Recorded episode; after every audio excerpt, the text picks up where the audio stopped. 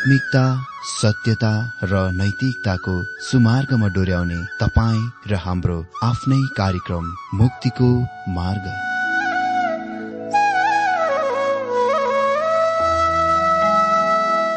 आदरणीय श्रोता यस मुक्तिको मार्ग कार्यक्रममा हार्दिक स्वागत छ। आशा छ यस आत्मिक कार्यक्रमद्वारा जीवनमा आत्मिक आशिष अलौकिक शान्ति र आनन्द प्राप्त गर्नुहुनेछ। र जीवनमा धन्य अनुभव गर्नुहुनेछ। आउनुहोस् श्रोता मन र आत्माको तयारीको लागि यो मिठो अनि मधुर भजन गीत सुनौ।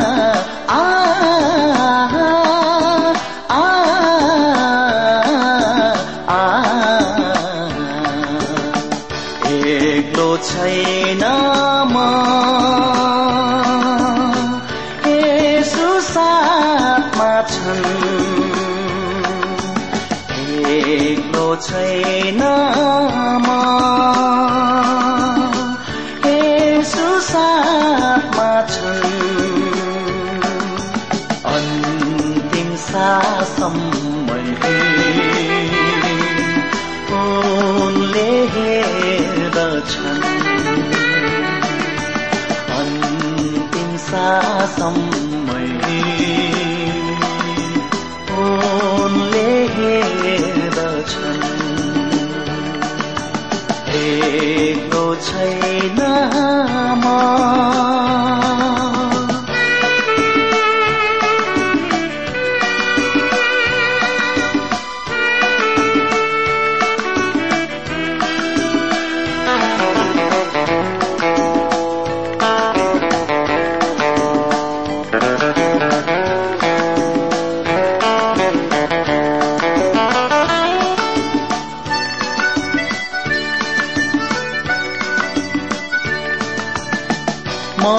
ত্রাণে ত্রাণে মা বাইরা मेरो আগে আনি मेरो पछि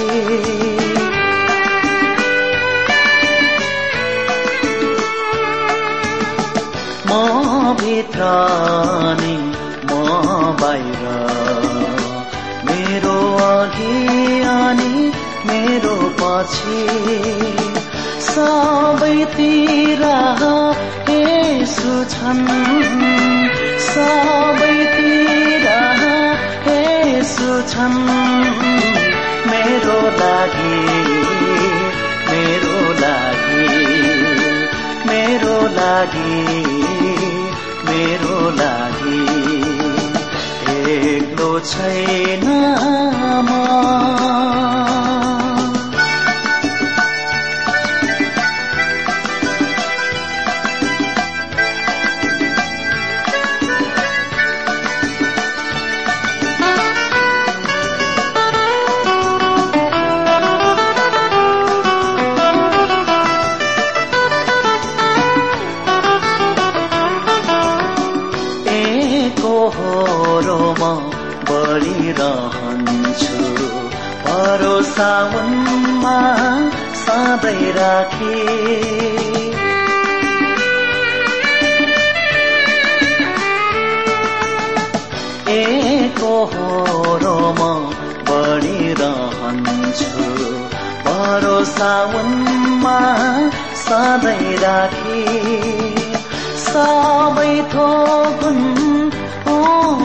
नै सबै हुने नै मेरो लागि मेरो लागि मेरो लागि मेरो लागि। एक्लो छैन म यसु साथमा छन्। एक्लो छैन म यसो साथमा छन् अन्तिम सासम्म उनले हेर्दछन् अन्तिम सासम्म उनले हेर् एक्लो छैन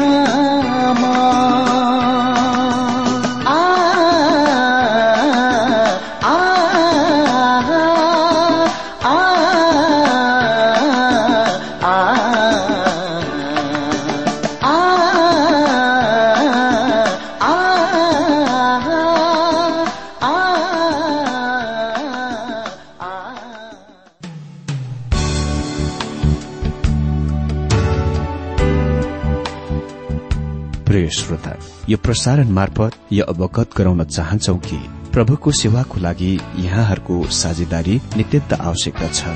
यहाँहरूले प्रार्थनाको साथसाथै आर्थिक सहायता गर्न अनुरोध गर्दछौ। तपाईँहरूको सानो भन्दा सानो भेटी किन नहोस्? हामी प्रभुको नाममा स्वीकार गर्नेछौ प्रभुको सेवाको लागि।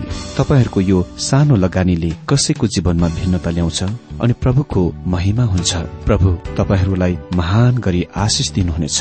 इच्छुक श्रोताहरूले तपाईँको इच्छा भेटी हाम्रो ठेगानामा पठाउन सक्नुहुन्छ जुन ठेगाना हामी कार्यक्रमको अन्तमा दिनेछौ। प्रिय श्रोता मित्र प्रभु येशु ख्रिष्टको मधुर अनि सामर्थ्य नाममा यहाँ सबैलाई मेरो जयमसी साथै हार्दिक स्वागत छ आजको यो बाइबल अध्ययन कार्यक्रममा। श्रोता म आशा गर्दछु तपाईँ आफ्नो मनको तयारीमा बाइबल अध्ययनको लागि आइपुगिसक्नु भएको छ। म पनि तयारीको साथ आइपुगिसकेको छु। धेरै धेरै धन्यवाद सुन्दर पत्रहरूको लागि अनि एसएमएस अनि फोनको लागि। तपाईँहरूले यो बाइबल अध्ययनद्वारा धेरै धेरै आत्मिक लाभहरू उठाइरहनु भएको सुनेर मलाई पनि धेरै खुसी लागेको छ। परमेश्वरको नामको जय होस् र यसरी नै उहाँको वचन अध्ययनमा निरन्तर तपाईँहरू लागिरहनुहोस् र आत्मिक रूपमा मजबुत हुनुहोस् र परमेश्वरको महिमा हुन सकेको होस्। हुन्छ श्रोता आज हामी प्रकाशको पुस्तकबाट हाम्रो अध्ययनको क्रममा लाओडिसियामा भएको चर्चलाई ख्रिष्टको पत्र विषयदेखि प्रकाश तीन अध्यय चौधदेखि लिएर सत्र पदसम्म बाइबल अध्ययन गर्नेछौ। लाउडिसियामा भएको मण्डली चर्चलाई ख्रिष्टको पत्र सात पत्रहरूमा अन्तिम पत्र हो। सर विलियम रामसेले लाउडिसियालाई सम्झौताको सहर भनेर नामकरण गर्छन् वा नाम दिएका छन्। यो सहर दुई सौ एकसठीदेखि लिएर दुई सौ छ्यालिस ख्रिस्ट पूर्वमा अन्तिओकस दोस्रोद्वारा स्थापन गरिएको थियो। यससँग सेल्युस्युड आधार वा जग थियो। सेल्युकस अलेक्जेन्डर महानको एक सेनापति थिए जसले सिरियालाई लिए कब्जा गरे। अर्को अलेक्जेन्डर महानको सेनापति लिसिमाकसले एसिया माइनर लिए।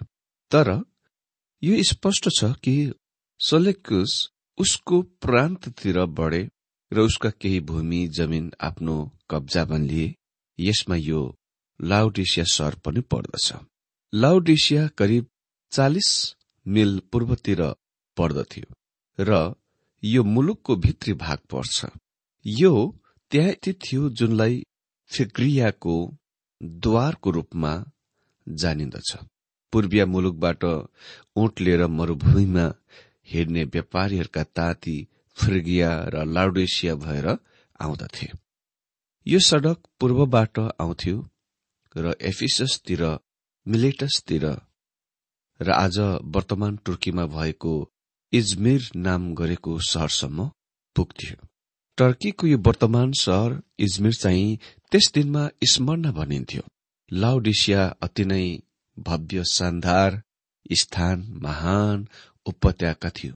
आज त्यसको विध्वंसहरू धेरै मात्रामा जंगली जै जस्तो देखिने पौधाहरूले नै छोपेको देखिन्छ।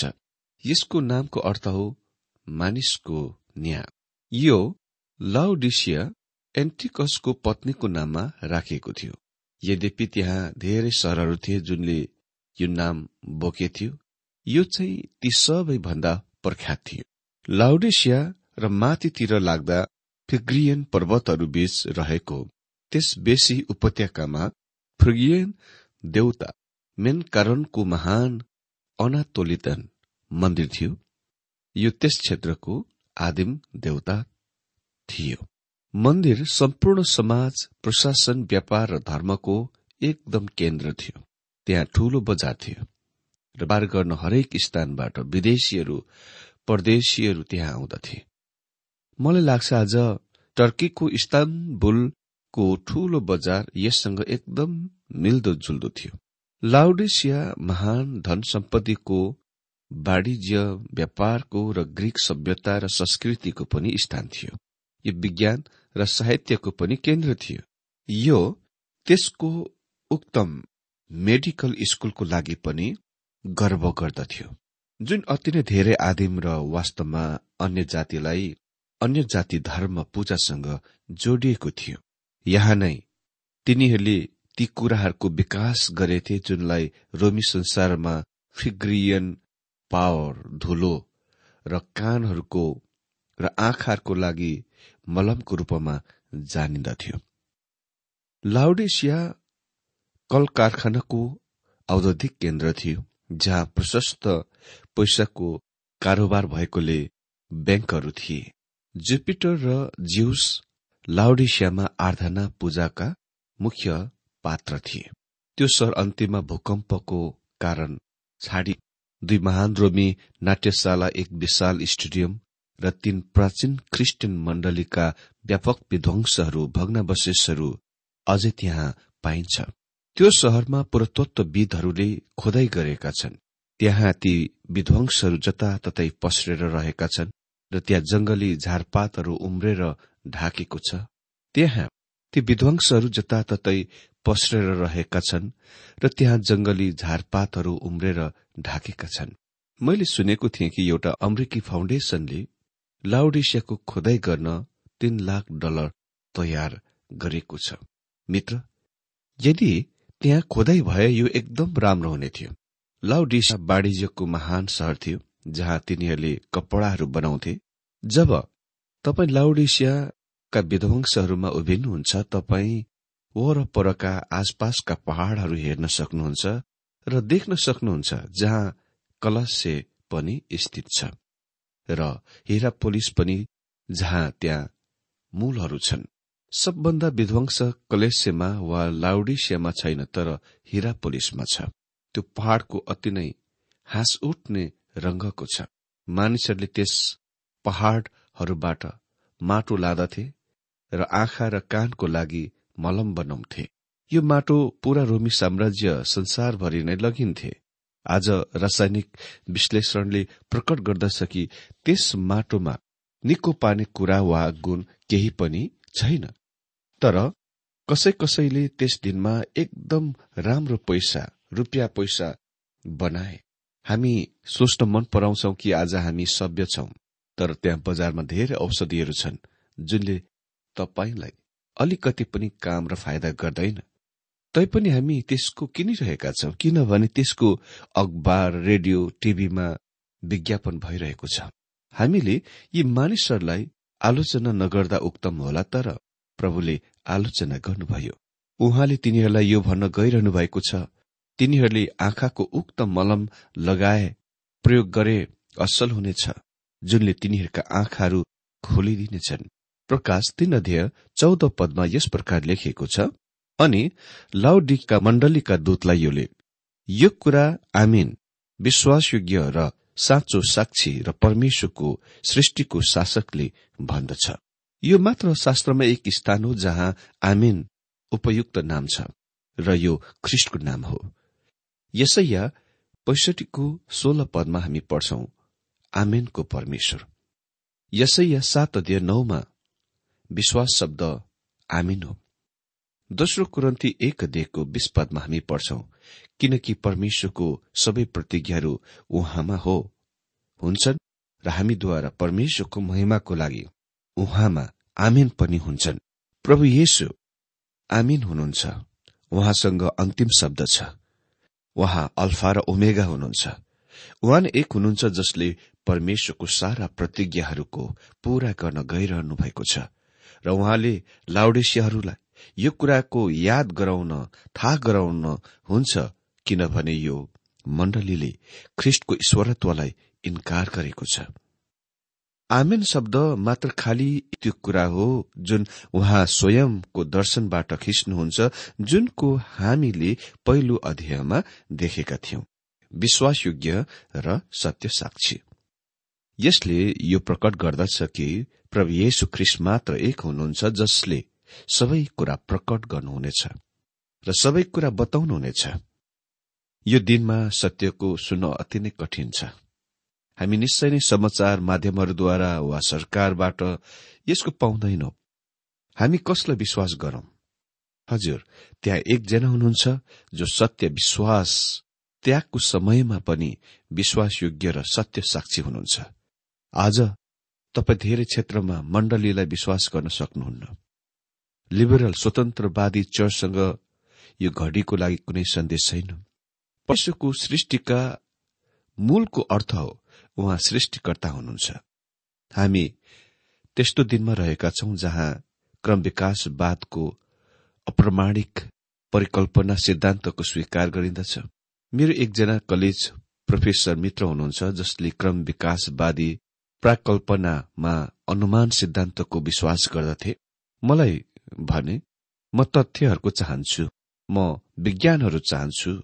मैले भने एक मिनट पर्खनुहोस्। यो तपाईँ र म रहेको विश्वको उत्पत्तिको लागि दुई व्याख्याहरू छन्।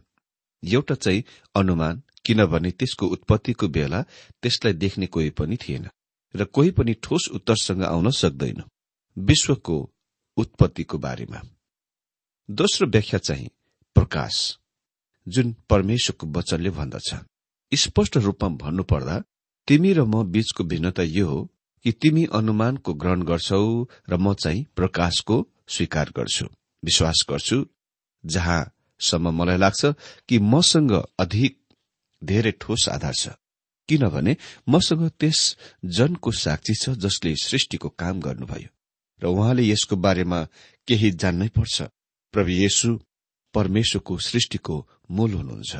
अनि पन्ध्र र सोह्र पदमा लेखिएको छ मलाई तिम्रा कामहरू थाहा छ। तिमी चिसो पनि छैनौ तातो पनि छैनौ।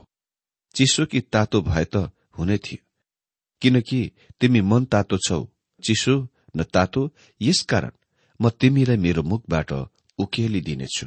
अरू मण्डलीहरूसँग जब प्रभु येशुले भन्नुभयो म तिम्रा कामहरू जान्दछु। उहाँको मतलब असल कामहरू थियो। उहाँले असल कामहरूको लागि तिनीहरूलाई प्रशंसा गरिरहनु भएको थियो।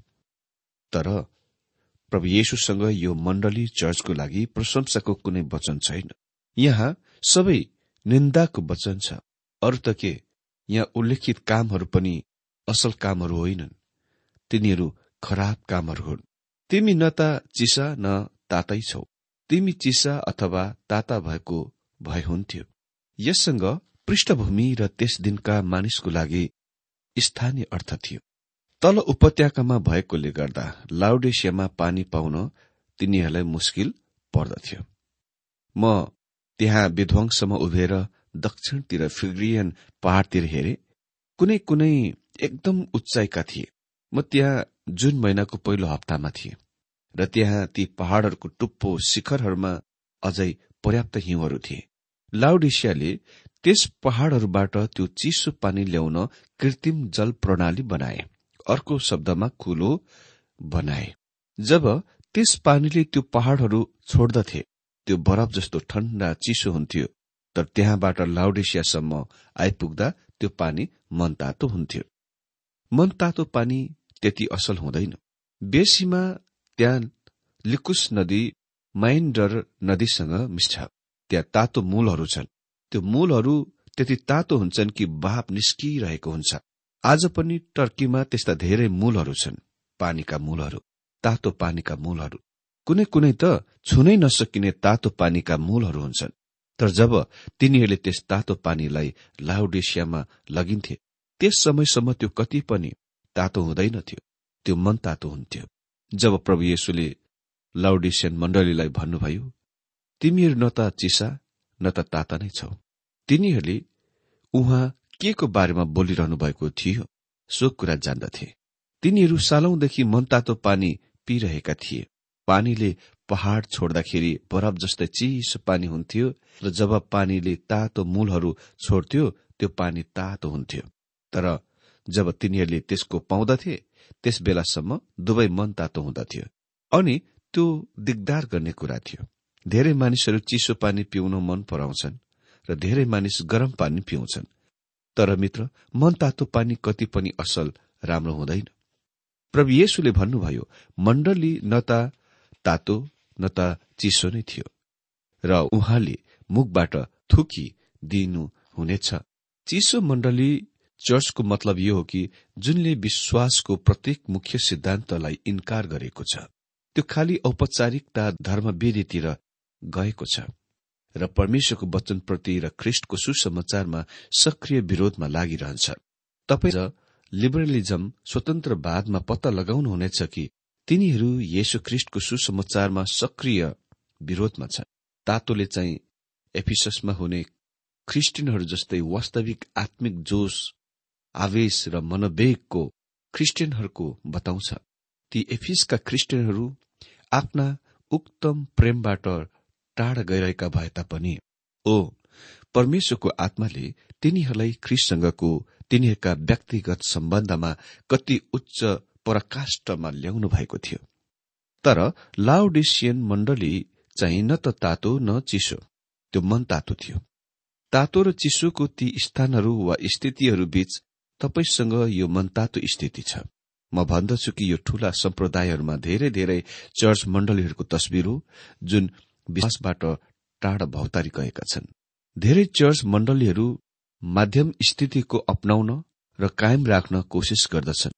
तिनीहरू ख्रिस्टियन विश्वासका महान सिद्धान्तहरूको लागि र परमेश्वरको वचनको लागि खुलाम रूपले बाहिर आउन चाहँदैनन्।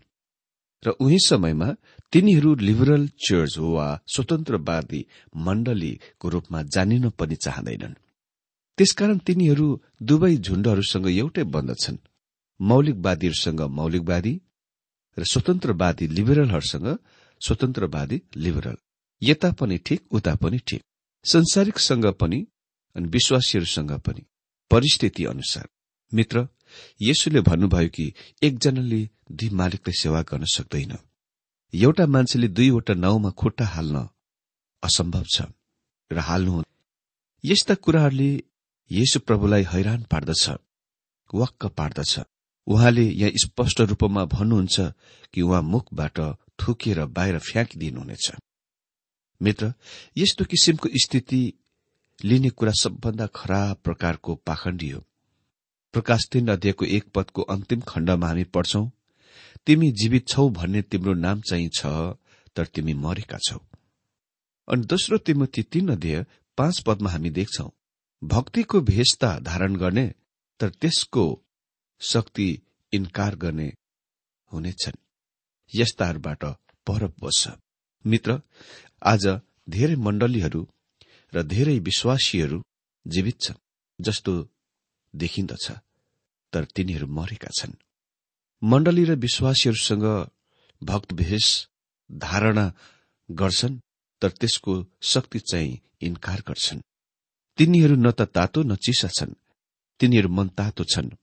यो नै धेरै मण्डली र विश्वासीहरूको अवस्था छ। मित्र अभाग्यवश यो मौलिकवादी मण्डलीहरूको पनि अवस्था भएको छ। परमेश्वरलाई धन्यवाद होस् कि त्यहाँ धेरै मण्डलीहरू र विश्वासीहरू छन् जो यस वर्गमुनि आउँदैनन्। तर अति नै डरलाग्दो भयानक कुरा यो छ कि उहाँ भन्नुहुन्छ म तिमीलाई आफ्नो मुखबाट थुकिदिनेछु। अर्को शब्दमा म मेरो मुखबाट छादेर बाहिर निकालेर फालिदिनेछु। के तपाईँलाई यो त्यस्तो मण्डली जस्तो सुनाइ पर्दछ जुनको उहाँ स्वर्ग यात्रामा उठाइ लान गइरहनु भएको छ? र जसलाई उहाँ भन्नुहुन्छ युवाना चौध दिएको दुईदेखि तीन पदमा म तिमीहरूको लागि स्थान तयार पार्न जान्छु। र यदि म गएर तिमीहरूको स्थान ठाउँ तयार पार्दछु भने म फेरि आउनेछु। र तिमीहरूलाई आफू कहाँ लैजानेछु। जहाँ म हुन्छु त्यहाँ तिमीहरू पनि हुनेछौ। मलाई त्यस्तो लाग्दैन। त्यस मण्डली चर्चलाई आफू कहाँ लिनुहुन्छ तर यहाँ त्यो मण्डली चर्च छ जसलाई उहाँ वान्ता गरी बाहिर फ्याँकिदिनुहुनेछ। छादी बाहिर फ्याँकिदिनुहुनेछ। किनभने यो मनतातो छ। मनतातो पानीले तपाईँको पेटमा गडबड गर्दछ। म विश्वास गर्छु आज उहाँ धेरै मण्डलीहरूलाई यही नै भनिरहनु भएको छ। तिनीहरूले मेरो पेटलाई बिमार बनाउँदछौ गडबड गरिरहेका छौ। तिमीहरू मुखको बोक्रे ख्रिस्टियनहरू हौ। तिमीहरू भन्छौ तिमीहरू मलाई प्रेम गर्छौ। तिमीहरू यो भन्छौ तर वास्तवमा यो तिमीहरूको अभिप्राय हुँदैन। मित्र यो यस घड़ीको लागि हृदयलाई खोतल्ने तलास गर्ने सन्देश हो। किनभने हामी फिलिडल्फियाको र लाउडेसिया चर्चको समयमा रहिरहेका छौं। ती दुवै आज हामी रहेको यो दिनका मण्डलीहरूको निम्ति बिल्कुल लागू हुन्छ। यो समयमा त्यहाँ परमेश्वरको वचनप्रति र ख्रिष्टको सुसमाचारप्रति निष्ठवान इमान्दार सच्चा सत्य विश्वासीहरू र मण्डलीहरू छन्। भने त्यहाँ मनताता प्रकारका मण्डली र ख्रिस्टियन भनाउँदाहरू छन् जुन संसारमा अरू केही होइनन्। ख्रिस्टलाई बिमार पार्नेहरू भन्दा उहाँले भन्नुभयो कि उहाँले त्यस्ताहरूलाई थुकेर फ्याँकिदिनुहुनेछ। अनि मित्र यसरी आज ख्रिस्टियानिटीमा यी महान दुई शाखा छन्। सम्प्रदायहरूमा छैन। यो रोमन क्याथोलिक वा प्रोटेस्टेन्टमा छैन।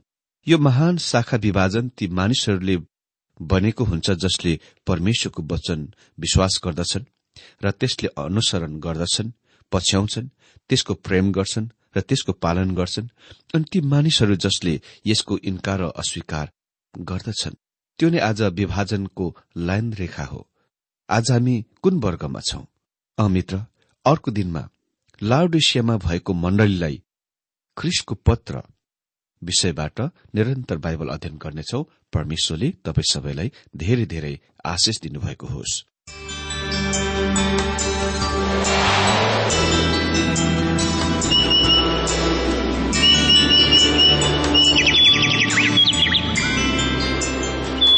प्रिय श्रोता अहिले भर्खरै तपाईँले टीडब्ल्यूआर नेपालद्वारा सञ्चालित आत्मिक कार्यक्रम मुक्तिको मार्ग सुनिरहनु भएको थियो। श्रोता आजको यो कार्यक्रम सुनेर तपाईँलाई कस्तो लाग्यो? यदि यो कार्यक्रम सुनेर मनमा कुनै खुल्दुली वा कुनै प्रतिक्रिया अर्थात सुझावहरू छन् भने हामीलाई पत्रद्वारा लेख्न सक्नुहुनेछ।